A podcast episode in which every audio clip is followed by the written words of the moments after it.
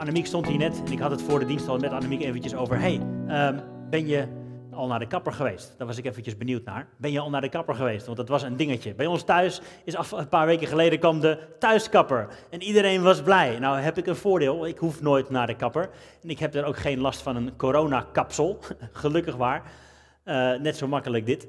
Uh, Annemiek is nog niet naar de kapper geweest, maar dan weet je het vast eventjes. Dus als ze over een poosje wel naar de kapper is geweest, dan kun je een complimentje geven en zeggen: hey, wat zit je haar leuk sinds je naar de kapper bent geweest. Dus goed om te weten. Uh, een ander dingetje over corona-kapsels is een kort filmpje waar we nu eventjes naar gaan kijken. Eén minuutje, eventjes kijken samen. In Australië is een verdwaald schaap gevonden dat al jaren niet was geschoren. Een wandelaar vond hem in het bos en belde naar het dierenasiel voor hulp. Even de kijk, de kijk, de kijk. Dit soort schapen moeten zeker één keer per jaar worden geschoren, want hun vacht groeit alsmaar door, hun hele leven lang. Waarschijnlijk is dit dier ooit kwijtgeraakt door een boer. Omdat zijn vacht zo zwaar was, kon hij niet goed lopen. Ook kon hij nog maar weinig zien omdat er wol voor zijn ogen zat. Eten vinden was daarom ook lastig. Het dier was erg mager. Na flink wat scheren en knippen is het schaap zijn dikke vacht inmiddels kwijt. Nu weegt hij maar liefst 35 kilo lichter. Het schaap kreeg de naam Barak en wordt nu goed verzorgd in het asiel. Over coronakapsels gesproken. Nou, 35 kilo kwijtraken met een beetje haar, dat lukt ons niet. Um, maar het is wel een mooie inleiding ook uh, voor dit thema. We gaan het hebben over Yahweh Raha. Oftewel, God, de goede herder. We zijn bezig met ons thema over de namen van God. De namen van God. Vorige week hebben we al gekeken naar Peter Prothero uit Engeland. Die eh, de aftrap deed voor deze serie over de namen van God. God heeft een naam. God heeft een naam. En waarom het zo tof is om te kijken naar deze serie en naar al die namen van God, is, eigenlijk te maken met een van de eerste vragen die we tegenkomen in het Oude Testament. Dat lezen we helemaal aan het begin als de slang naar de mens toekomt en eigenlijk met een vraag het karakter van God een beetje begint te beproeven. Is die nou eigenlijk echt wel zo goed? Is die God, kun, kun je die nou eigenlijk echt wel vertrouwen? Is die wie die zegt dat hij is? Neemt hij je niet in de maling? En dat is eigenlijk wat we door de eeuwen heen zien gebeuren. En wat er ook nog steeds in ons hart gebeurt, is dat we het karakter van God betwijfelen. Is God nou eigenlijk echt wel zo goed? Is God wel echt te vertrouwen? Is die wie die zegt dat hij is? Daarom is het mooi om te kijken naar de namen van God. Want God maakt zich bekend door onder andere namen bekend te maken aan de mensen met wie hij optrekt. Soms geeft hij zichzelf een naam. Dat zien we gebeuren. Vorige week keken we ernaar naar Yahweh. God die zichzelf bekend maakt als ik ben die ik ben. Ik ben de eeuwige, ik ben de aanwezige. Dat is hoe God zich bekend maakt. En een andere keer lezen we dat God het toelaat dat wij hem namen geven. En dat heeft dan te maken met onze relatie met God, wie hij voor ons is. En op die manier maakt hij zichzelf ook bekend door de Bijbel heen. Bijvoorbeeld, daar gaan we natuurlijk nu naar kijken, naar David. David die God beschrijft als de goede herder. Yahweh Ra'a of Yahweh Rohi. Pieter zei het vorige week ook al, in het Hebreeuws staan er geen klinkers tussen. Dus daar zijn verschillende uitspraken over. Maar God, de goede herder. Dat is hoe God zich bekend maakt door de Bijbel heen. En David is natuurlijk de bekendste. Psalm 23 gaan we straks ook lezen. Maar het was niet de eerste keer. We lezen dat eerder in Genesis, dat Jacob God beschrijft als mijn herder. Lees met me mee, Genesis 48 staat dat bijvoorbeeld. Jacob zegende Jozef, staat er. Jacob zegende Jozef en hij zei, de God voor wiens aangezicht mijn vaderen Abraham en Isaac gewandeld hebben. De God die mij als een herder geleid heeft. Mijn leven lang tot op deze dag. Dat is dus ook hoe Jacob God kende. Als een goede herder.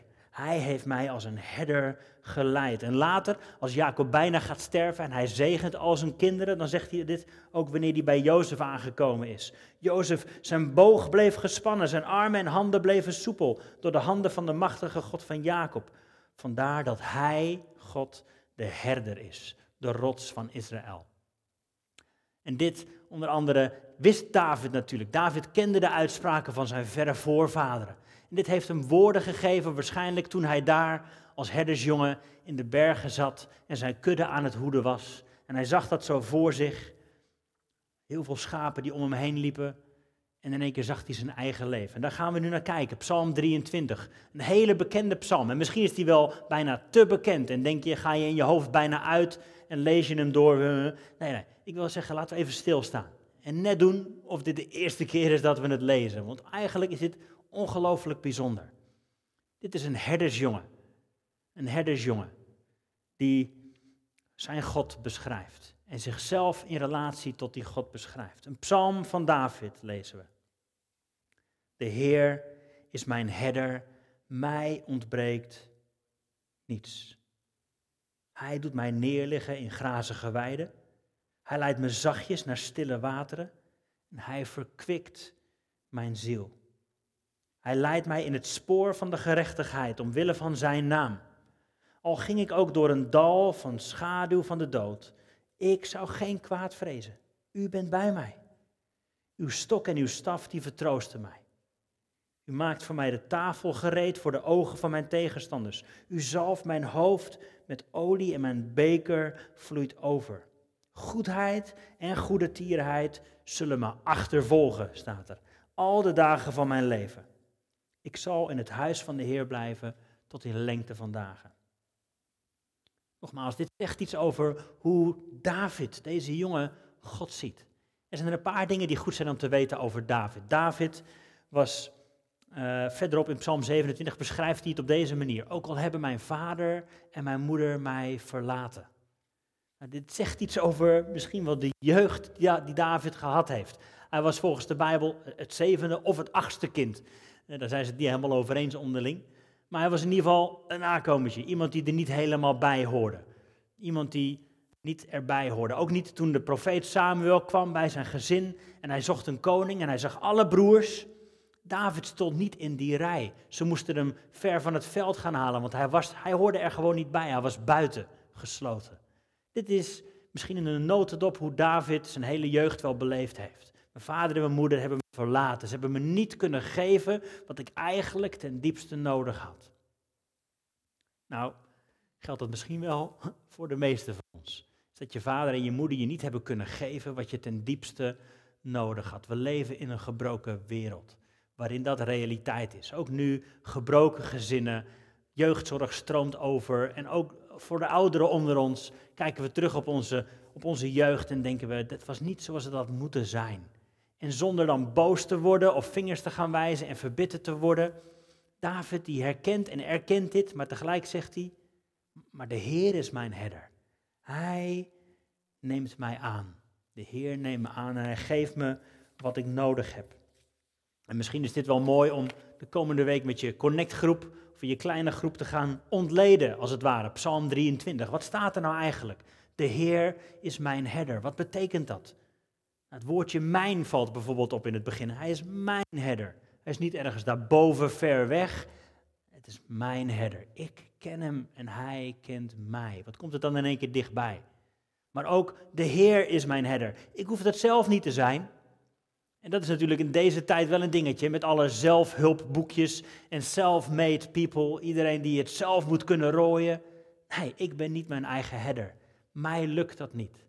Ik hoef dat niet. Ik heb geen controle op mijn verleden. Ik heb geen controle over wat ik vandaag tegenkom. En ik heb al helemaal geen controle over de toekomst. Hij is mijn herder. Ik hoef dat niet te zijn. Ik mag schaap zijn. Ik mag deel zijn van zijn kudde. Mij ontbreekt niets. Nou, zo kun je stapje voor stapje, denk ik, heel mooi deze psalm gaan ontleden. En hem persoonlijk dichtbij maken. Mooie opdracht voor deze week. En eigenlijk wil ik nu toch eventjes kijken naar die paar woordjes die erin staan. Hij verkwikt mijn ziel. Hij verkwikt mijn ziel. Dat staat er in mijn vertaling, in, in vers 3.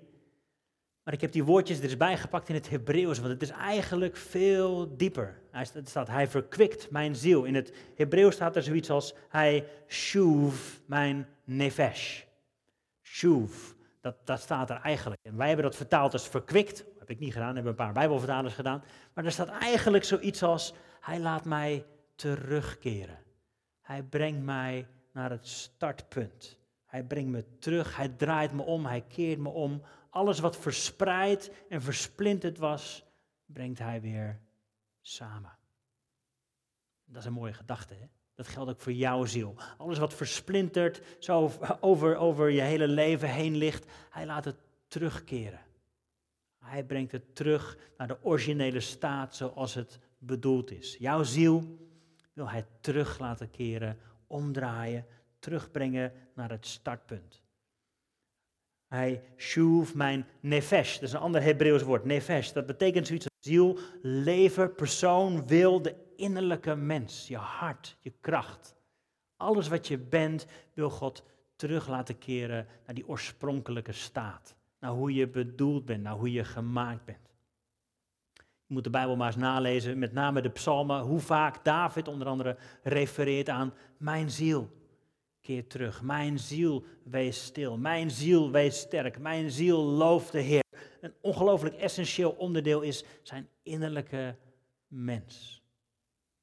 Goed om daar weer bij terug te keren. Ook voor jouw leven, ook voor mijn leven. God wil jouw innerlijke wezen, jouw mens zoals je echt bedoeld bent, terug laten keren naar het originele plan. God weet hoe je gemaakt bent.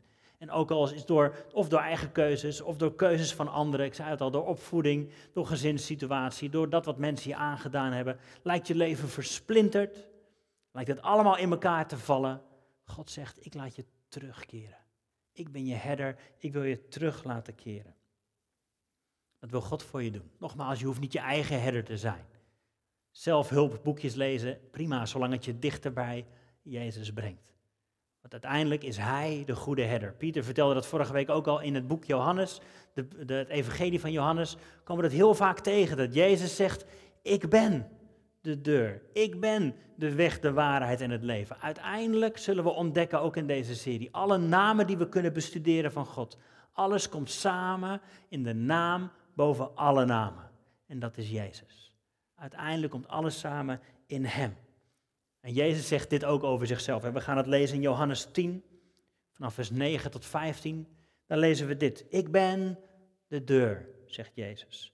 En hij vertelt hier het verhaal over de herder en de schapen. Ik ben de deur. Als iemand door mij naar binnen gaat, dan wordt hij behouden. En hij zal ingaan en uitgaan en weide vinden, ruimte vinden. De dief komt alleen maar om te stelen, te slachten en verloren te laten gaan. En dat is misschien wat ook met ons gebeurd is. Onze ziel, ons innerlijk wezen lijkt wel gestolen, geslacht, verloren. Maar, zegt Jezus, ik ben gekomen opdat je leven hebt en overvloed. Ik ben de goede herder. En als Jezus dit zegt, dan, dan lezen we eigenlijk terug naar Psalm 23 en naar al die keren in het Oude Testament dat God beschreven wordt als goede herder. Jezus zegt hier over zichzelf, over wie je gelezen hebt, dat gaat over mij. Ik ben die goede herder. Ik geef mijn leven voor de schapen. Maar de huurling, en wie geen herder is, die de schapen niet tot eigendom heeft, die ziet de wolf komen en die laat zijn schapen in de steek en vlucht. De wolf grijpt ze en drijft de schapen uiteen.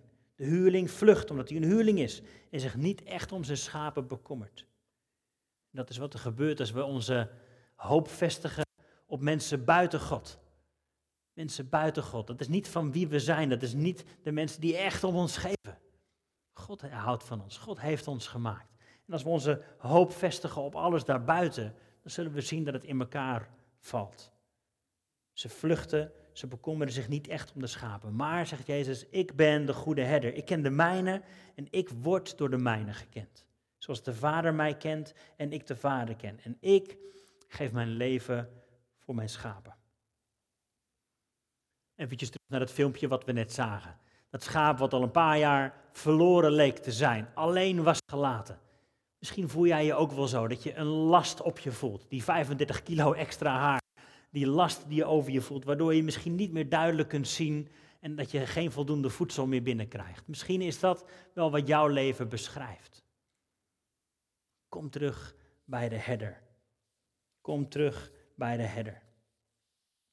Verder in Lucas lezen we dit ook nog, waar Jezus dat verhaal vertelt over het verloren schaap. Misschien wel net zoals dat schaap wat we net zagen.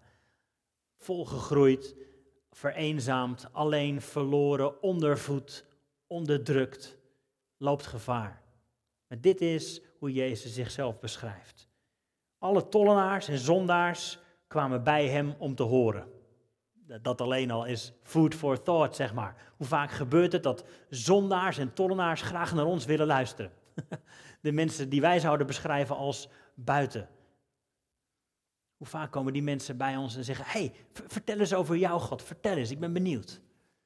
Mooi hè? Maar dat gebeurt wel bij Jezus. Hij trok ze aan op een of andere manier. En hij begint te vertellen. De fariseeën en de schriftgeleerden, die waren aan het morren onder elkaar. Deze man ontvangt zondaars en hij eet met ze. En Jezus zag die twee groepen zo staan. De zondaars aan de ene kant, de fariseeën aan de andere kant. En hij begint te vertellen. Een gelijkenis. Welk mens onder u die honderd schapen heeft en er één van verliest, verlaat niet die 99 in de woestijn. En hij gaat achter dat verlorene aan, totdat hij het vindt. En als hij het schaap gevonden heeft, legt hij het vol blijdschap op zijn schouders. En als hij thuis komt, roept hij zijn vrienden en buren bijeen en hij zegt: Wees blij met mij. Ik heb mijn schaap gevonden dat verloren was. Ik zeg u dat er evenzo blijdschap zal zijn in de hemel over één zondaar die zich bekeert. Meer dan over 99 rechtvaardigen die dat niet nodig hebben. Onder andere daarom is denk ik Alfa zo succesvol, omdat God zijn zegen eraan verbindt. Omdat dat juist gaat over dat verlorene zoeken. Zeggen je bent welkom, welkom thuis. We gaan achter je aan, we komen je zoeken waar je ook bent. We willen je vinden. We willen dat jij gevonden wordt. Dit is wat Jezus doet. Hij brengt ons terug. Zo mooi als je dit eens rustig op je in laat werken en als het ware dat als een filmpje voor je ogen laat gaan. Dit is wat de herder doet. Hij, hij vindt dat schaap. En wat hij niet doet is zeggen, stom beest, wat heb je nou gedaan? Waarom ben je weggelopen? Eigen schuld, dikke bultje, zoek het zelf maar uit, die kant op. Nee, dat is niet wat God doet. Dat is niet wie Jezus is. Hij pakt het schaap en hij legt het op zijn schouders. En dan doet hij niet nog eventjes even extra streng aantrekken. Hij, hij is zorgzaam. Hij veroordeelt niet, maar hij is blij dat het gevonden is.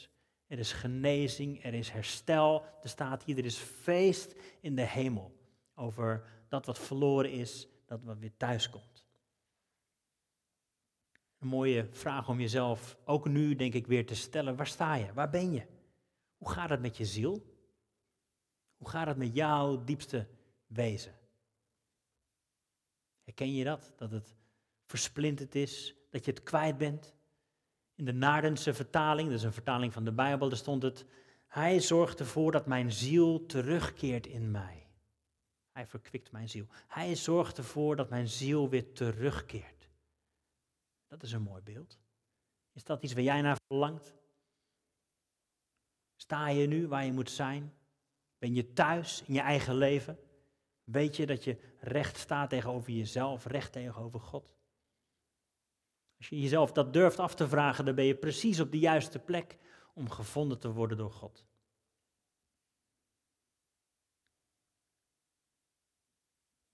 Willen we een schaap zijn? Willen we gevonden worden? Willen we deel zijn van die kudde? Is Hij onze herder? Het is niet het eind van het verhaal. Geldt dat voor ons, dat God tegen jou en mij zegt, ik wil je herder zijn, ik wil je thuisbrengen, ik wil je verkwikken, ik wil je genezen, herstellen, ik wil je weer terugbrengen in originele staat. Maar daar stopt het niet, want verder in Lucas 15 gaat het door. Hè? We lezen eerst over het verloren schaap, daarna over de verloren penning en daarna over de verloren zoon. En dit vind ik altijd een mooie gedachte. Ik leerde hem van Henry Nouwen, die beschrijft dat. Ja, natuurlijk waren wij die verloren zoon en mogen we welkom thuis zijn. Maar ergens in ons verhaal zullen we ook herkennen dat we die oudere zoon zijn. Ken je dat verhaal nog? Die oudere zoon die erbij staat te kijken, die nooit wat verkeerd heeft gedaan, maar die ook nooit echt thuis was bij de vader. Die een beetje veroordelend is, met zijn vinger aan het wijzen is. Maar we zijn geroepen, zegt Henry Nouwen, en ik sluit me er helemaal bij aan. Volgens mij is dat ook de rode draad van de Bijbel. We zijn geroepen om de vader te worden. Die tegen die zoon zegt, je bent welkom thuis, ik heb op je gewacht. Dat is jouw en mijn roeping. Ik had het net al over, over Genesis. Een andere vraag die daar gesteld wordt, die hoor je uit de mond van Kain. Kain die net zijn broer vermoord heeft. En God zegt, Kain, waar is, eh, waar is Abel, waar is je broer? En Kain die zegt dit tegen God. "Pff, ben ik mijn broeders hoeder? Moet ik op hem letten? En als je lang genoeg stil bent, dan hoor je eigenlijk een hele dikke vette. Ja, natuurlijk moet je op hem letten. Ja, natuurlijk. Dat is je rol, dat is je taak, dat is wie je bent. We letten op elkaar. We zijn er voor elkaar. Dat is hoe jij en ik gemaakt zijn. Dat is ook hoe David later terugkijkt op zijn eigen leven. Als hij daar eh, richting Goliath gaat. Hij zegt, joh, ik heb beer en leeuw verslagen. Ik ben een herder. Ik weet wat me te doen staat. Dus hij kende God als zijn herder. Maar hij was zelf ook een herder voor dat wat onder zijn hoede geplaatst was. En dat is ook jouw en mijn roeping. We zijn beelddragers van God. We zijn gemaakt naar zijn beeld. We mogen doen zoals Jezus. We mogen ervan genieten dat hij onze herder is. Maar als we op hem gaan lijken, zullen we merken, we zijn geroepen als herder voor de mensen om ons heen. We mogen zorgen voor de mensen om ons heen. Vanuit die ongelofelijke bron van liefde mogen we uitdelen. Waar ik het pas over had, ook stromen van levend water. We ontvangen het, maar we geven het door. We zijn beelddragers van Jezus. Hoe kunnen we dat praktisch doen? Een paar tips. Een paar tips. Bijvoorbeeld, hè, Willem zat hier net om te praten over alfa. Wat een kans. Wat een kans voor jou om om je heen te kijken, om even stil te zijn, te luisteren en te bidden. Heer, wie mag ik meevragen? Wie mag ik meevragen? Ik geloof dat juist in deze tijd van corona, dat het een tijd is waarop pauze is gedrukt bij heel veel mensen en alle vragen in één keer omhoog gaan komen. Ook in jouw omgeving, ook in jouw vriendenkring, ook bij jou op school, ook bij jouw collega's of familie.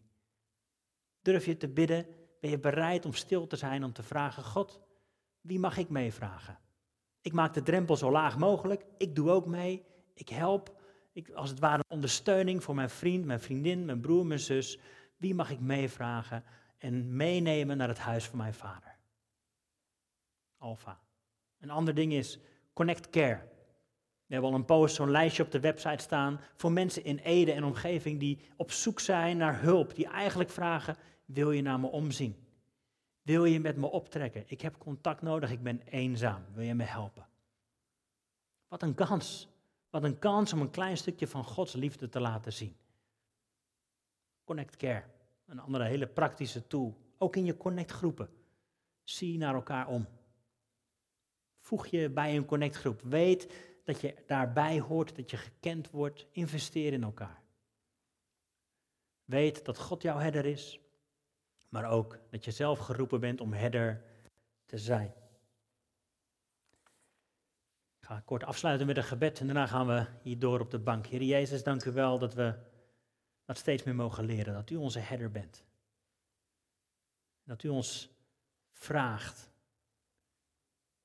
of wij uw schaap willen zijn, of we gevonden willen worden. Dank u wel voor dat aanbod.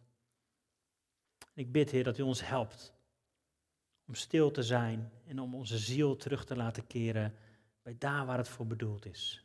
Al ons leven vindt zijn oorsprong in u. Heer, zegen ons zo. Dat we open zijn om u te ontvangen, maar ook om om te zien naar de mensen om ons heen. In Jezus' naam. Amen.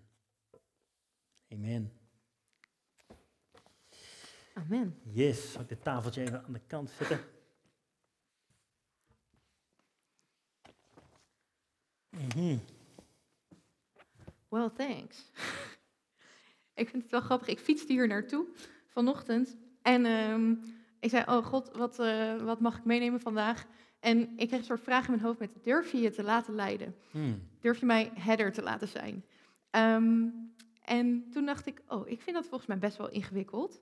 Hmm. ehm, om een soort de touwtjes uit handen te geven. Nou. Of om op iemands schouders te liggen. Ja. En met mijn 35 kilo haar uit de bosjes geplukt te worden. 35 kilo toch al, ja? Ja, nee, ik hoop het niet. Maar als ik dat filmpje van jou zag. Ja, ja. Ehm daar denk ik, heb, heb je misschien tools daarvoor? Is er iets waarvan je zegt, oh, maar dit is wat God zegt over je mag je laten leiden? Of hoe, Mm. hoe werkt dat? Ja, volgens mij is dat echt een proces. Een, een doorlopend proces ook. Eh, en ik denk dat God ook niet zozeer boos is als dat je helemaal nog niet lukt. Mhm. Ik denk dat, dat eh, welk stukje je ook geeft van je leven, dat hij daar goed mee omgaat. En dat hij zal laten zien, ik ben betrouwbaar, ik ben veilig. En eh, joh, afhankelijk van waar je vandaan komt met je verleden ook, hè. Eh, we zijn allemaal verwond. Je, zo simpel is het. Waar je ook vandaan, al had je de beste ouders van de wereld en de leukste vriendengroepen, weet ik het allemaal. Ergens onderweg loop je schrammen en schaven en pijn op. En dat is wat gebeurt. Ehm, dus ik denk echt dat het een, een doorlopend proces is. Met eh, God steeds meer een beetje meer vertrouwen. En dat is ook wel weer mooi of zo. Niet dat je in één keer het kunt. En het zou ook een beetje eng zijn. Ja, ja, ja. Dus nee, ik heb daar niet, eh, niet een eh, drie-stappenplannetje voor. Nee, Nee. nee, elke dag een beetje meer in Jezus help. Ik geloof, kom mijn ongeloof te hulp. Mhm. dat. Ja, ja, ja. ja. cool. Ja, Mm. dat is een goede inderdaad. ja. Ehm, vooral omdat ik ook, dat, ik heb, merk inderdaad zelf dat ik het soms een beetje touwtrekken vind of zo. Dat ik dan heel erg kan zijn, oh ja, God, hier is het. En dan denk ik, oh nee, nee, nee, toch niet. Nou, Oh, God, hier is het. Nee, nee, nee, toch niet. ja. Ehm, maar ik kan me voorstellen dat zoveel mensen dat hebben en ervaren. Mm. Dat er misschien ook mensen thuis zitten die denken, ja, oké, goede herder. Ben ik dan een schaap? Laat ik me inderdaad leiden? Hoe pas ik in die kudde? ja. Ehm, en we zijn ook samen kudde. Ik hoorde jou zeggen, wij zijn schapen. Ja. Ja. ja, controle is wel een dingetje. Hè? Dat is echt een, eh, een groot onderdeel van ons leven. Hoe we ook opgevoed worden. Je moet verantwoordelijkheid nemen voor je eigen keuzes natuurlijk. Is ook super belangrijk. Maar tegelijk, ja, in hoeverre is God echt onze herder? Mhm. Vertrouwen we hem? Ik eh, zat de afgelopen week over na te denken. Oké, ik, ik, hou- ik ben een beetje beelddenker. Hoe zou ik het voor me zien als ik schaap ben en ik loop over groene weiden? Dan merk ik dat, dat zeg maar, ook al beeld ik me dat in en is het een heel vredig tafereel, Mhm. dat ik alsnog continu op mijn hoede ben. Waar zijn de wolven? Waar zijn de beren? Weet je wel? Waar is het gevaar? En dat, dan merk ik, oh ja, dat zegt wel echt iets over in hoeverre ik God vertrouw om mij te beschermen. Ja.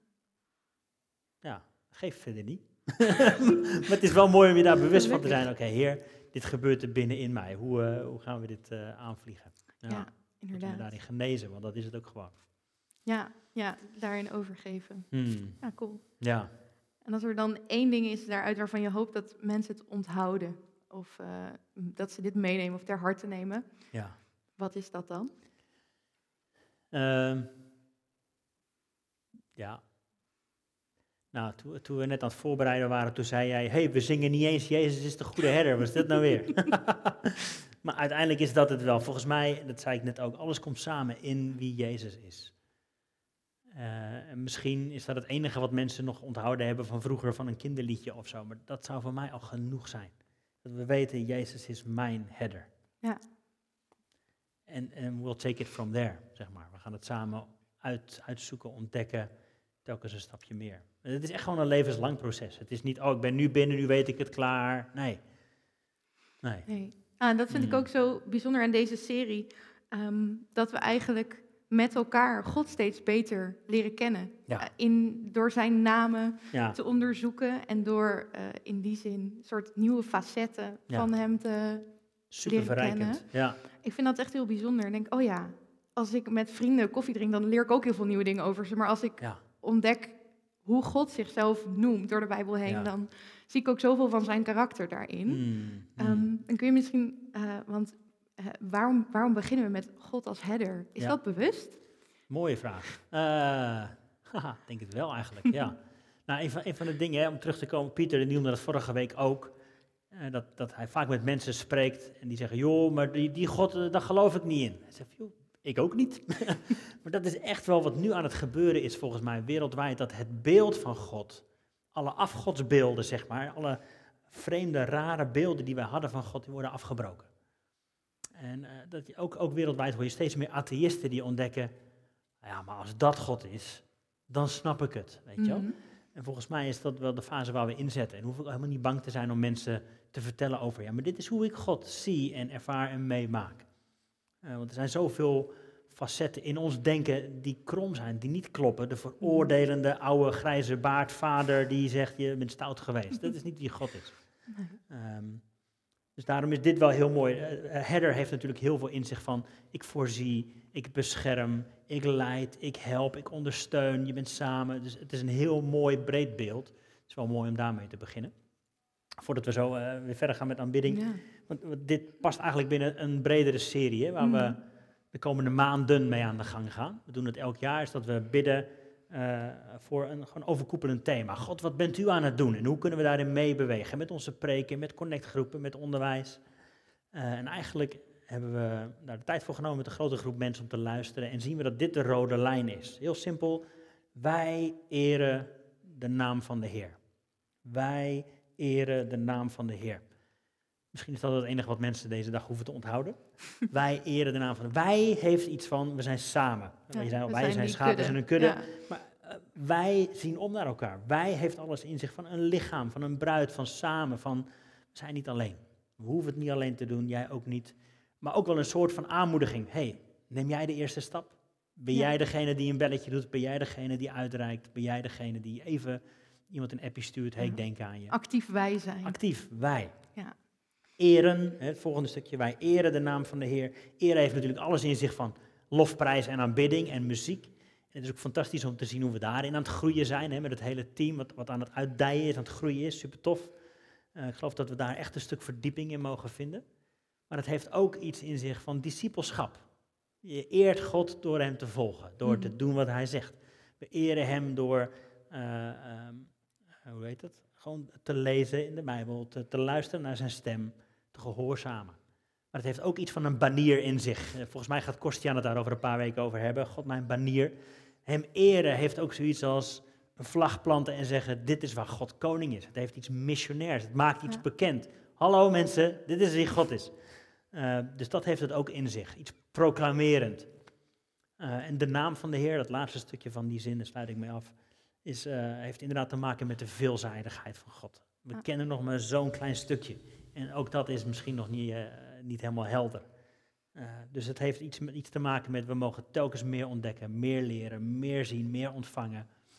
Eh, de naam van de Heer. Ja. En uiteindelijk komt dat alles samen, geloof ik, in Jezus. Ja. Daar kijken we later naar. Nou, dat is het.